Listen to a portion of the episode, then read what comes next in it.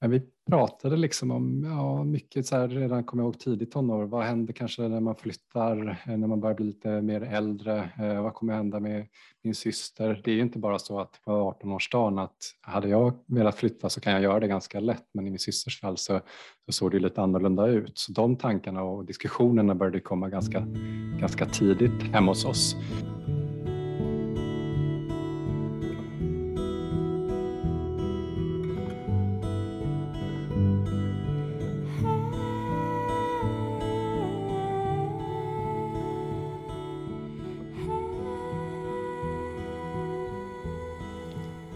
En podd som görs av NKA, Nationellt kompetenscentrum anhöriga. NKA är en verksamhet som arbetar för att utveckla anhörigstödet i vårt samhälle. Och vi vänder oss till alla anhöriga, oavsett ålder, sjukdom eller funktionsnedsättning. Vi arbetar på uppdrag av Socialdepartementet och i nära samarbete med Socialstyrelsen. Organisatoriskt tillhör vi Region Kalmar och flera av medarbetarna hos oss har också en anställning inom forskningen på Linnéuniversitetet. En del i vårt uppdrag är att sprida kunskap om anhörigas situation och det är det vi vill göra med denna podd. Ett av de inspirationsmaterial som Nationellt kompetenscentrum anhöriga har är Planera framtiden redan idag och det här vänder sig till anhöriga och till den som i sitt arbete möter personer med omfattande funktionsnedsättningar. Tankarna om framtiden, ja när börjar de? En del föräldrar berättar att de redan på BB får tankar om framtiden och för andra så kommer tankarna så småningom. Men det som många berättar om det är att det inte är helt okomplicerat och enkelt att prata om framtiden. Det berör så många olika delar av livet, både praktiska och känslomässiga. Och mycket är sånt vi inte kan ha kontroll över, vilket gör att det kan vara svårt att ens närma sig frågan. Men det ska vi göra nu, för i det här poddavsnittet så kommer vi att prata om framtiden. Hur man pratar om framtiden och när och med vem och varför och hur, det kan, hur man kan göra så att det kan kännas naturligt att prata om, om framtiden i familjen. Det här är många frågor, men att just prata om framtiden det är förutsättning för att all annan planering om framtiden och hur det ska bli ska kunna göras. Ehm, för att det ska kännas tryggt för personer med, med funktionsnedsättning och för alla som finns bredvid. Föräldrar, syskon, assistenter och andra stödpersoner. Jag heter Maria Blad och jag arbetar på Nationellt kompetenscentrum anhöriga som möjliggörare och praktiker. Att lyssna till hur någon annan har tänkt och gör, det kan underlätta för andra att närma sig frågan om framtiden. Och jag är glad att jag har sällskap av två personer som verkligen har funderat mycket på det här ämnet och som jag verkligen tror kan inspirera och entusiasmera andra. Anna och Joakim, ni är varmt välkomna. Tack. Anna Pella, du är förälder till tre döttrar och din äldsta dotter heter Agnes och har en flerfunktionsnedsättning. Du är journalist och författare bland annat till barnboksserien om Funkisfamiljen. Och den senaste boken i serien heter Operation Framtiden och det är väldigt lämpligt eftersom vi ska tala om framtiden just idag. Och Joakim Larsson, du har en syster som heter Hillevi och hon har en flerfunktionsnedsättning.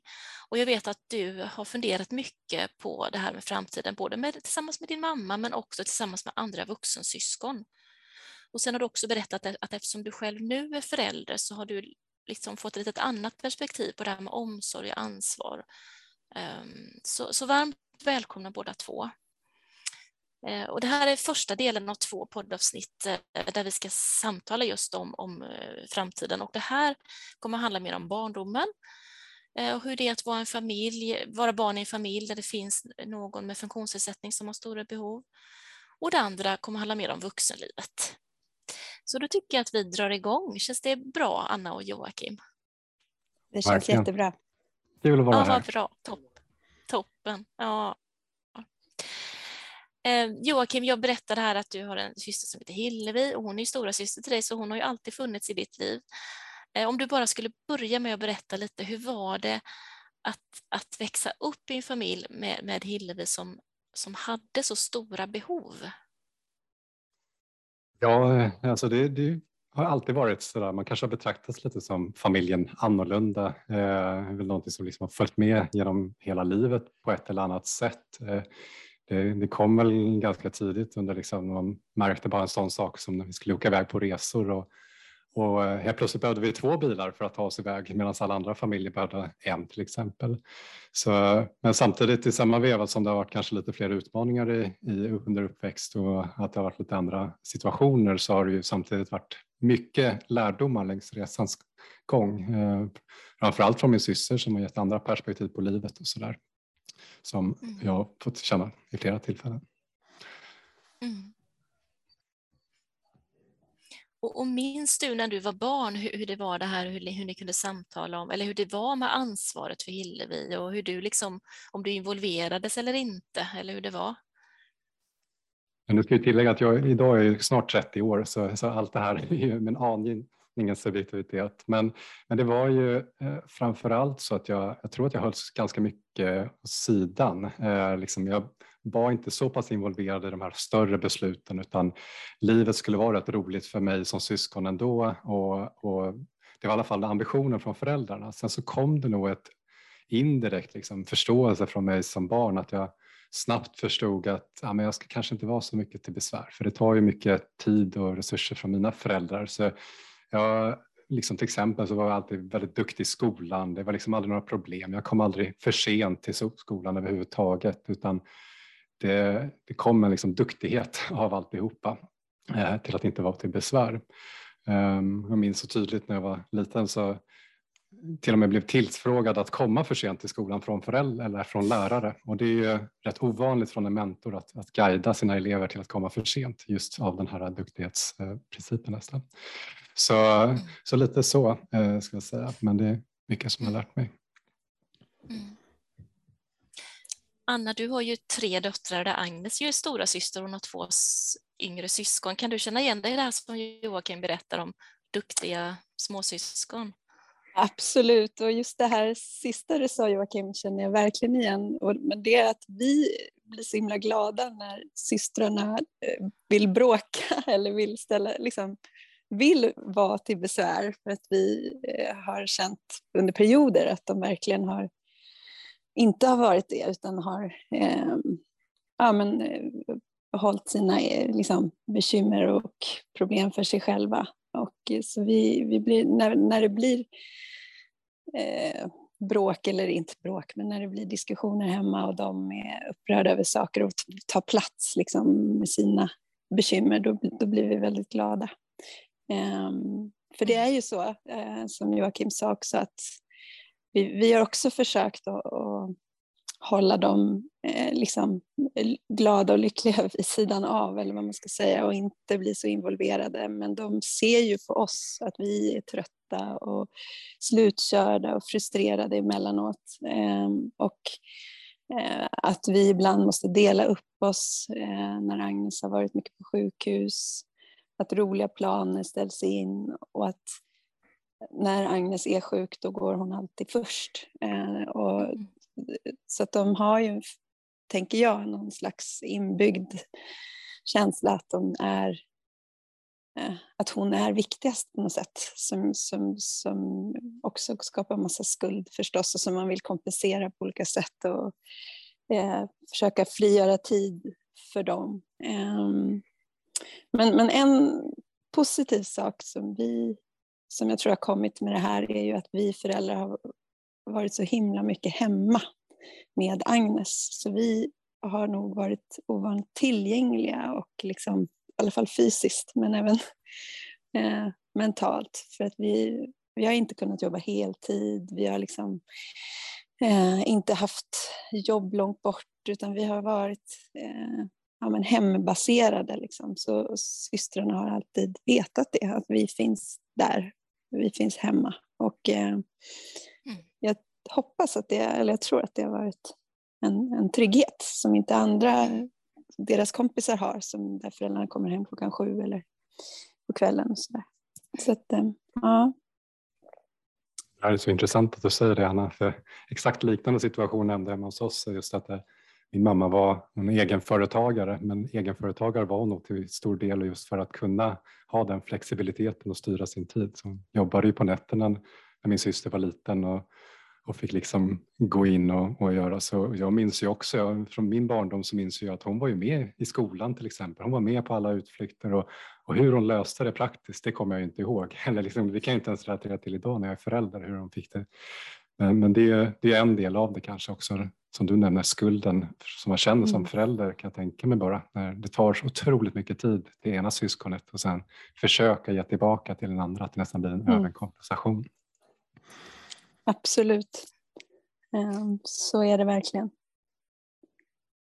Men, men hur märks det där då på, på dina eh, barn, Anna, de yngre barnen om man säger så? Ehm, och hur, hur, hur, var det för dig tror du Joakim, det här med att, att det var ehm, att, man, att man visste att det var någon som, som var ja, ska jag säga, du sa Anna förut att som var viktigast eller som tog mest plats. Liksom. Hur, liksom, hur märkte du det på dem när de var små? Tänker, för nu är de ju tonåringar, men när de var lite mindre. Kommer du ihåg det, Anna? Ja, nu, nu är ju alla olika och mina yngsta då, eller Agnes småsystrar, de är väldigt olika till sättet men jag har ju märkt att de har tagit hänsyn på olika sätt. Eh, genom att inte eh, berätta om er, som sagt, vad de själva har varit med om som har varit jobbigt.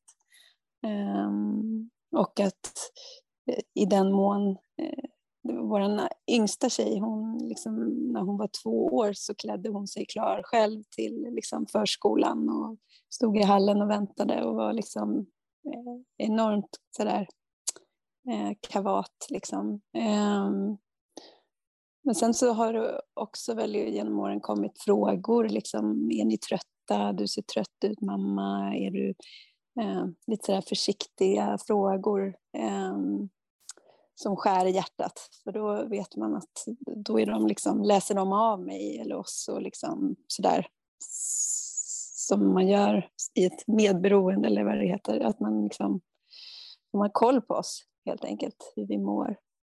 Eh, så att ehm, ja, det, det, det är många svåra bitar i det där.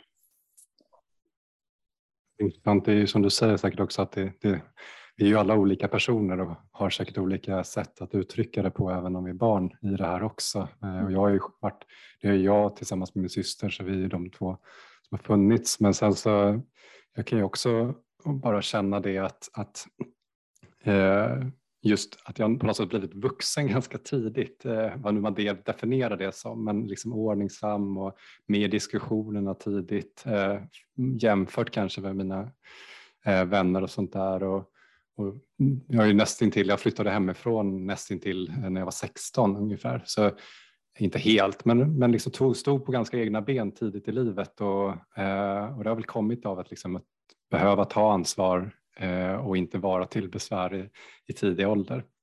Sen är det såklart fler parametrar än bara det som, som påverkar, men, men det är ju en speciell situation just när, när tidsmässiga fördelningen blir så otroligt skev. Hur man än gör det så är det ju akuta situationer som dyker upp. Eh, min syster har också varit på sjukhus väldigt mycket under framförallt när hon var yngre. Eh, många lunginflammationer och in och man vet inte hur det ska gå och all oro som, som tänka mig har legat på mina föräldrar i, i samband med det. Eh, så blir det ju någonstans står jag där och det kanske är någon ibland någon assistent som har gått in eller varit funnits med någon anhörig som finns med vid sidan om och sådär eh, som, som man på något sätt får relatera till också. Eh, ja. Mm. Det här avsnittet heter ju, eller de här poddavsnitten, att, att prata om, om framtiden och, och, jag tänker också att, och framtiden kan ju som sagt vara ett känsligt ämne att prata om, men, men hur, hur är liksom, tycker ni, era respektive familjer då när samtalsklimatet om man säger så, vad var, var möjligt att prata om när du var liten Joakim? Um, Kommer du ihåg det? Om det var någonting som, som du undrade över eller så, var det möjligt att ta upp det med dina föräldrar? Ja, jag skulle säga att vi har haft ganska högt i tak med det mesta eh, och pratat väldigt mycket om ganska stora frågor eh, från en tidig ålder. Eh, sen så skulle jag väl säga att det jag säger nu skildrar förmodligen mest från tio år och uppåt. Vad jag gjorde där innan kanske jag inte riktigt mm kan relatera till korrekt. Men, men, men vi pratade liksom om ja, mycket så här, redan kommer jag ihåg tidigt tonår. Vad händer kanske när man flyttar, eh, när man börjar bli lite mer äldre? Eh, vad kommer hända med min syster? Det är ju inte bara så att på 18-årsdagen att hade jag velat flytta så kan jag göra det ganska lätt, men i min systers fall så, så såg det lite annorlunda ut. Så de tankarna och diskussionerna började komma ganska, ganska tidigt hemma hos oss. Eh, sen så tror jag att allt vi pratade om var ju ganska mycket samtalen och diskussionerna var ju rätt mycket styrda utifrån mina föräldrar och kanske framförallt från min mamma, eh, vad vi pratade om och det fanns nog mycket medvetenhet om de samtalen som dök upp. Liksom. Eh, även om jag kanske inte förstod det där och då, utan jag pratade väl på och var en glad liksom, tioåring. Eh, och sen ibland så kanske det kom lite mer seriösa frågor när jag förstod att min syster var sämre. Jag minns däremot en, en ganska tydlig sekvens av att jag eh, det här har jag fått återberättat också ska jag tillägga, men att när jag var liten så, så råkade jag göra illa min syster en gång och tappa henne. Jag skulle hjälpa till och skulle bära henne när vi var på väg och så tappade jag henne så hon föll liksom med huvudet in i dörrkarmen. Absolut inte bra, hon klarade sig eh, bra i sammanhanget men hon fick sy några stygn. Men då där efteråt, min reaktion på det här var att jag trodde att jag var anledningen till att eh, hon hade fått funktionsnedsättningar eh, i livet. Och där jag kommer inte ihåg exakt hur gammal jag var, men det var en ganska liten grabb som, som fick de tankarna och, och då började det ju bli att prata om det med mina föräldrar och jag fick även gå till en barnpsykolog då och prata med de här sakerna. Det här är inget jag minns så tydligt som jag fått, jag fått återberättat lite mer, men, mm. men det är ett exempel på att man börjar tänka på så här, vad, vad är, vem är du, vem är jag? Ja, vi kanske inte har exakt samma förutsättningar i livet och vad beror det på? Sådana saker. Mm.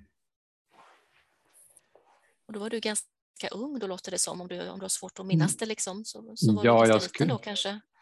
Ja, jag skulle nog säga förskoleålder tror jag det här mm. Eh, skedde vid. Eh, var det nog. Tillräckligt för att jag kunde bära i alla fall min syster, men eh, hon är mm. två år äldre än vad jag är. Men det var någon vuxen som fångade upp att det här kanske blev lite komplicerat för dig då så att de tyckte att, att du skulle gå och prata med någon i alla fall. Ja, det var ju mina föräldrar som, som noterade mm. det här och, och mm. såg till att jag fick gå och prata med någon. Mm. Eh, men det har ju varit flera sådana situationer allt eftersom och de har ju blivit av mer och mer seriös karaktär ju äldre vi har blivit. Liksom. Eh, från det här barnperspektivet och sen hela vägen upp till där vi står idag och 30 år. Liksom. Så, så har ju de diskussionerna blivit djupare och djupare och, tidigt kommit stora frågor vad som händer liksom i livet. Eh, när man ställs inför sin spets. Min syster liksom var ju 12 gammal och fick allvarliga operationer som kunde leda till, till döden. Liksom. Och då kommer sådana samtalsämnen upp eh, tidigt på ett sätt som väl blir väldigt konkret. Att oj, min syster kanske inte finns imorgon. Vad, vad betyder det och vad, vad betyder det för vår familj? Liksom? Mm. Jag vet inte om du känner igen det Anna? Jo, jag känner igen det mesta. Ehm, och jag känner också igen det där att, att du sa att eh, din mamma eh, inte planterade men att hon kom med olika ämnen eller saker som utan att du märkte det så jobbar jag med. Eh, jag och Agnes pappa vi har haft lite olika eh, liksom, jag har nog varit den som har känt att eh, saker måste liksom fram och upp fort och jag, jag är ganska otålig och har blivit mer och mer otålig eh, med åren tyvärr. Men, men eh, jag gick ju tidigt eh, och köpte Kristina Renlunds bok Litet syskon. Jag tror den kom ut ungefär när Agnes systrar var liksom två, två år ungefär, första systern i alla fall. Och jag gick på kurser och jag kände att liksom, jag ville förekomma dem hela tiden och stärka dem och, och ge dem ord för liksom det som Agnes hade och det Agnes var med om och det vi var med om. Men ibland liksom nästan för mycket. Eh, jag, gav, jag förstod ju när jag läste också om syskon eller om barns utveckling att man, man inte ska... Alltså barn behöver kort information och tydlig information och man ska inte liksom göra massa utvikningar eller att det blir för, för svårt och för krångligt. Men det var väldigt svårt tyckte jag, för jag ville ju berätta så mycket som möjligt för dem eh, så fort som möjligt. Eh, och att eh, just den här frågan om att Agnes då faktiskt ganska ofta var så pass allvarligt sjuk eller behövde genomgå så allvarliga operationer så att det faktiskt vi inte visste om hon skulle överleva. Det kändes också otroligt viktigt att de skulle ha ett hum om. För jag, det värsta jag kunde se framför mig var att, att vi skulle åka till sjukhuset och, och att Agnes inte skulle komma hem. Att det skulle bli en, ett trauma om de inte var minsta lilla beredda på det här. Och det har jag nog varit så fast, eller den frågan har varit den stora för mig eh, när det gäller syskonen. Så att det här med att också tänka att det finns en framtid, det, har inte varken jag eller tror jag syskonen särskilt mycket tankar om. För att både de och vi föräldrar vet att Agnes är så skör så att vi, vi har liksom inte vågat tänka att, att hon ska bli 18, vilket hon faktiskt då fyllde i somras. Um. Det är intressant att du säger just det, för det, det är också, även om jag sa att jag gav någon helhet av att vi har pratat om det här successivt, så är det just det där att det kommer ju sådana samtalsämnen som är väldigt mycket här och nu, men kanske ibland på några års framåt liksom i bilden. Mm. Eh, det var inte så att vi började prata om bostad kanske när vi var sju, åtta och det gör man ju inte ens eh, för mig. Det var inte aktuellt för mig heller, men just när man kommer upp lite så här och nu och lite framtid, men samtidigt inte veta om den framtiden ens kommer bli. Och det är ju rätt annorlunda.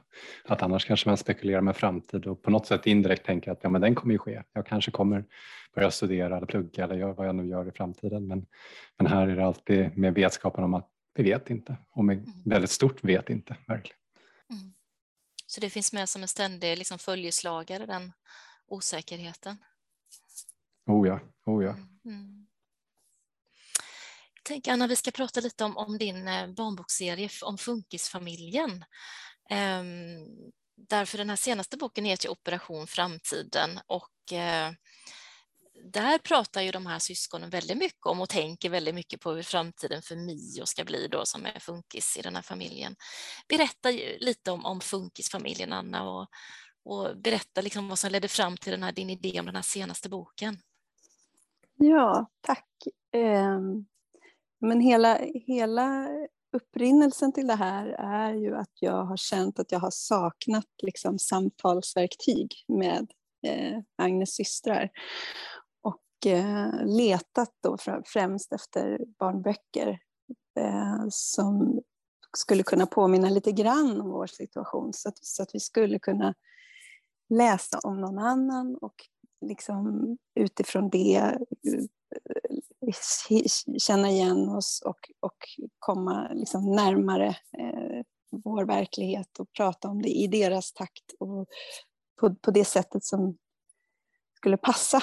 Eh, och det har, jag hittade ju inga som passade precis oss. Det finns såklart eh, och det kommer allt mer böcker eh, som faktiskt eh, har där man kan känna igen sig och sådär. Men, men eh, jag kände ett stort behov av att, att skriva rakt upp och ner om händelser från vår vardag och från familjer som jag har träffat i mitt jobb då, som journalist ehm, och deras barn.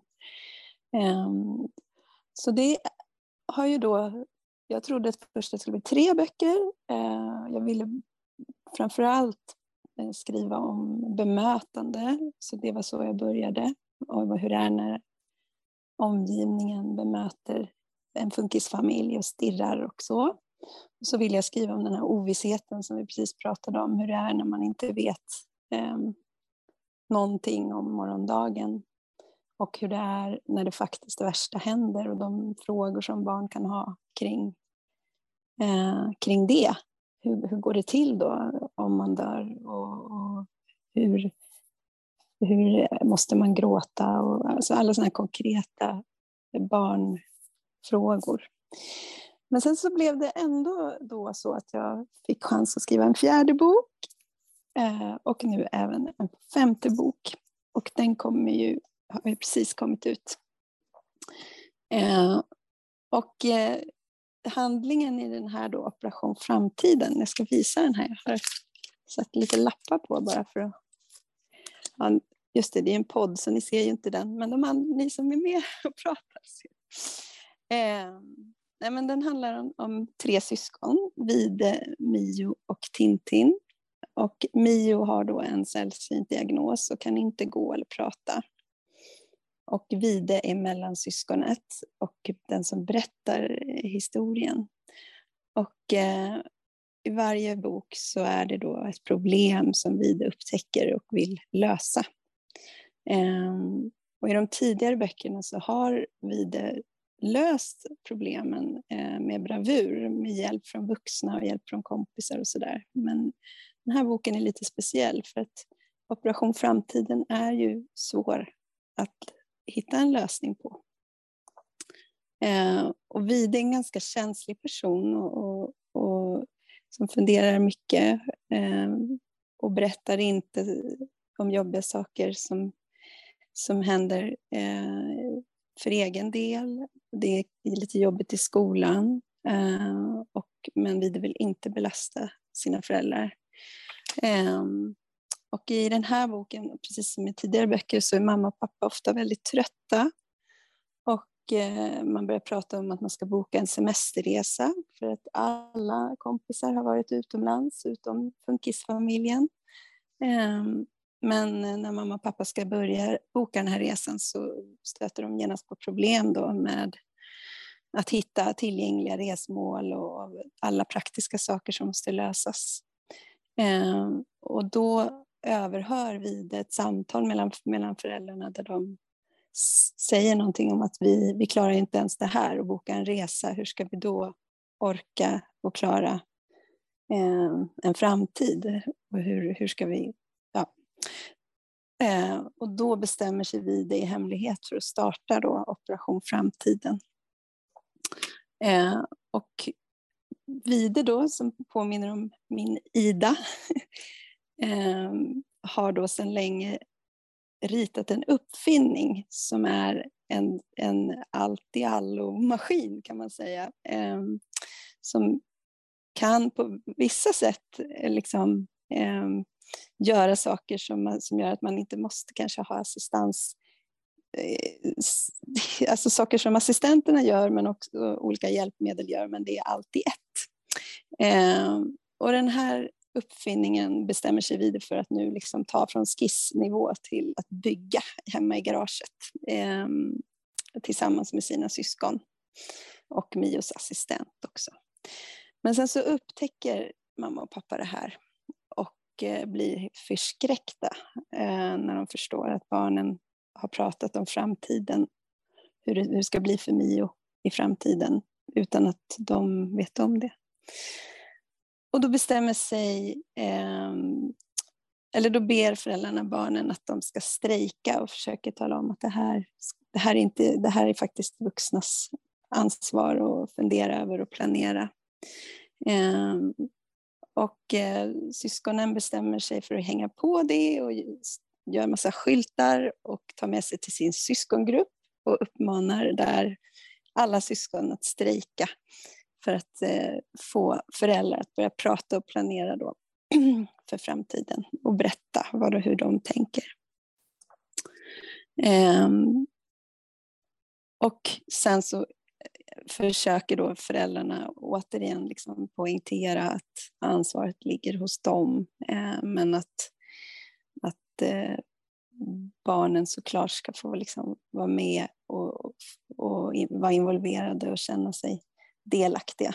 Ehm, så det är väl mm. bokens innehåll. I, eh... Så där är det väldigt tydligt att, att Vide framförallt funderar mycket på framtiden men också eftersom man har det här samtalet då. Jag tror att det, det väcks liksom i samband mm. med att, att, eh, att Vide tjuvlyssnar då, eller vad ja. man ska säga. Ja. Men här är det en skillnad i böckerna som du säger, för här kliver föräldrarna fram lite mer eh, mm. och, och, tar ett ansvar. Hur ser ni på föräldrarnas eller föräldrars ansvar, om man säger så, i de här frågorna att både prata och planera då för framtiden? Vad, vad tänker du, Anna, om det? Jag tänker att det är eh, absolut till hundra procent föräldrarnas ansvar men eftersom många föräldrar mår, eh, har det alltså, eftersom det ser ut som det gör idag med svårigheter att få avlastning och assistans och så, så är det ju väldigt många föräldrar som inte orkar, som inte mår bra. Eh, och, och har man inte... Så jag tänker att grunden i allt det här är att liksom föräldrarnas, föräldrarnas psykiska och fysiska hälsa är liksom intakt. Så det, eh, för att man ska ta, kunna ta det här ansvaret. Mm. Eh, så, så tänker jag. Mm. Vad säger du Joakim? Det är så intressant när du berättar om, om boken också. Jag har själv läst delar av den och eh, önskar ju på något sätt att vi hade läst en sån bok också eh, när jag var i, i, liknande ålder. Jag kan ju relatera till att jag var i vissa syskongrupper till exempel när jag var liten och pratade men det var mer, jag fick i alla fall, alltså som jag minns det, uppfattningen om att det oftast var lite tycka synd om sig själv och den situation jag hade hamnat i som syskon, vilket där och då i alla fall inte hjälpte mig. Det kanske hjälper andra, men det hjälpte inte mig. Eh, men att just jag kan känna igen mig i personen och karaktären här som syskon i boken också.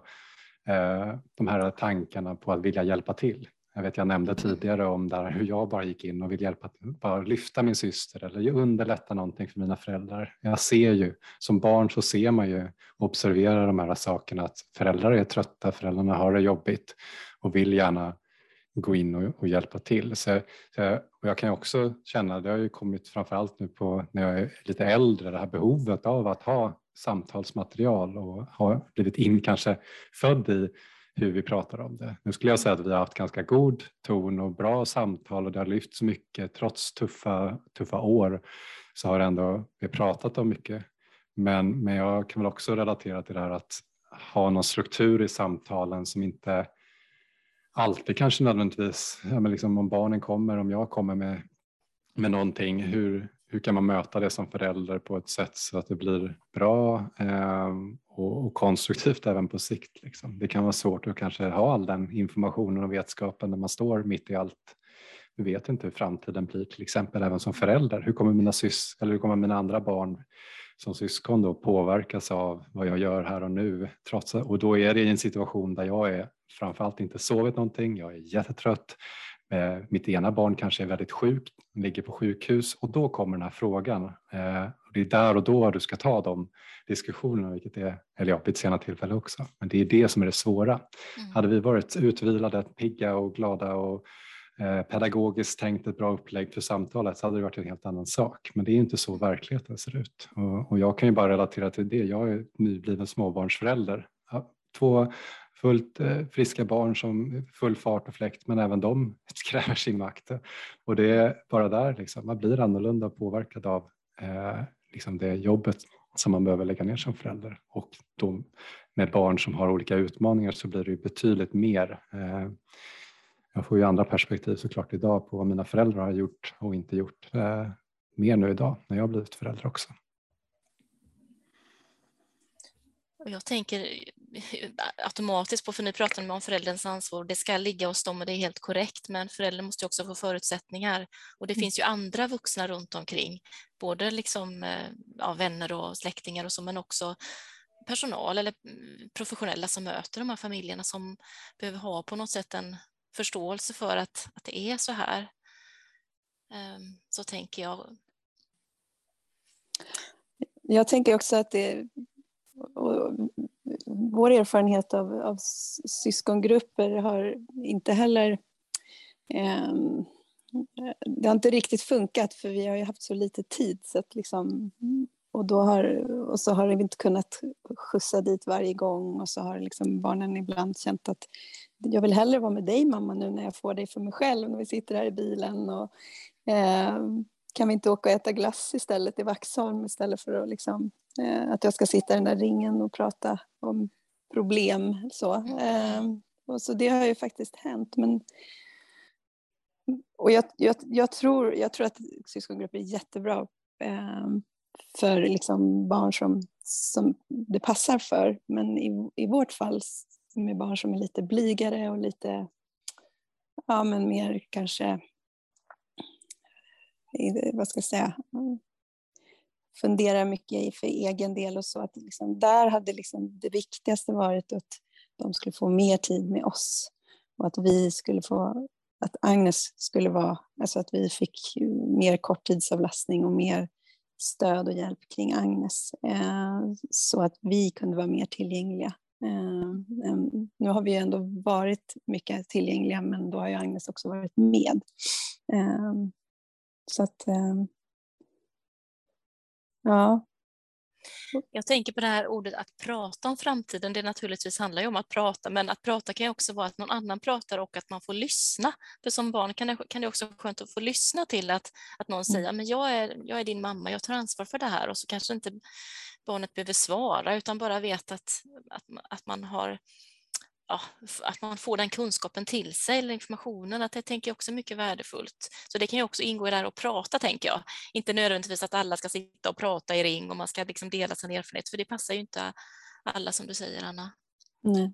En mm. sak som jag också har tänkt, som i alla fall var svår för mig eh, under, liksom redan från början, det var att jag tänkte att jag som förälder, jag måste ha svar på alla frågor. Jag måste liksom Ehm, jag får aldrig verka liksom som att jag är osäker eller orolig eller eh, skör eller eh, för, när det kommer frågor. Jag måste ha liksom svar. Och, och, när det gäller då frågan om framtiden och Agnes liksom tillstånd, hur länge hon ska leva och eh, alla de frågorna som, där inte finns svar. Eh, när jag vågade säga det, eh, eller vi vågade liksom öppna upp, så såg jag att, att syskonen accepterade, barnen accepterade det. Alltså, mm. och det, var, det var för mig en, en ha-upplevelse. Uh, och då tänker jag tillbaka på min egen barndom och att liksom, vad mina föräldrar, hur viktigt det var att de hade svar och när de inte hade det och hur jag liksom... Ja, det var en annan tid förstås, men, men att det, det är så jag tänker nog att, att det inte är farligt eh, att barn ser att vi vuxna inte är liksom perfekta eh, och, o, liksom, ja, att vi också är män, män, mänskliga. Mm, mm. Eh, och, och ju tidigare desto bättre. Alltså, mm. Så att man inte bygger upp den här...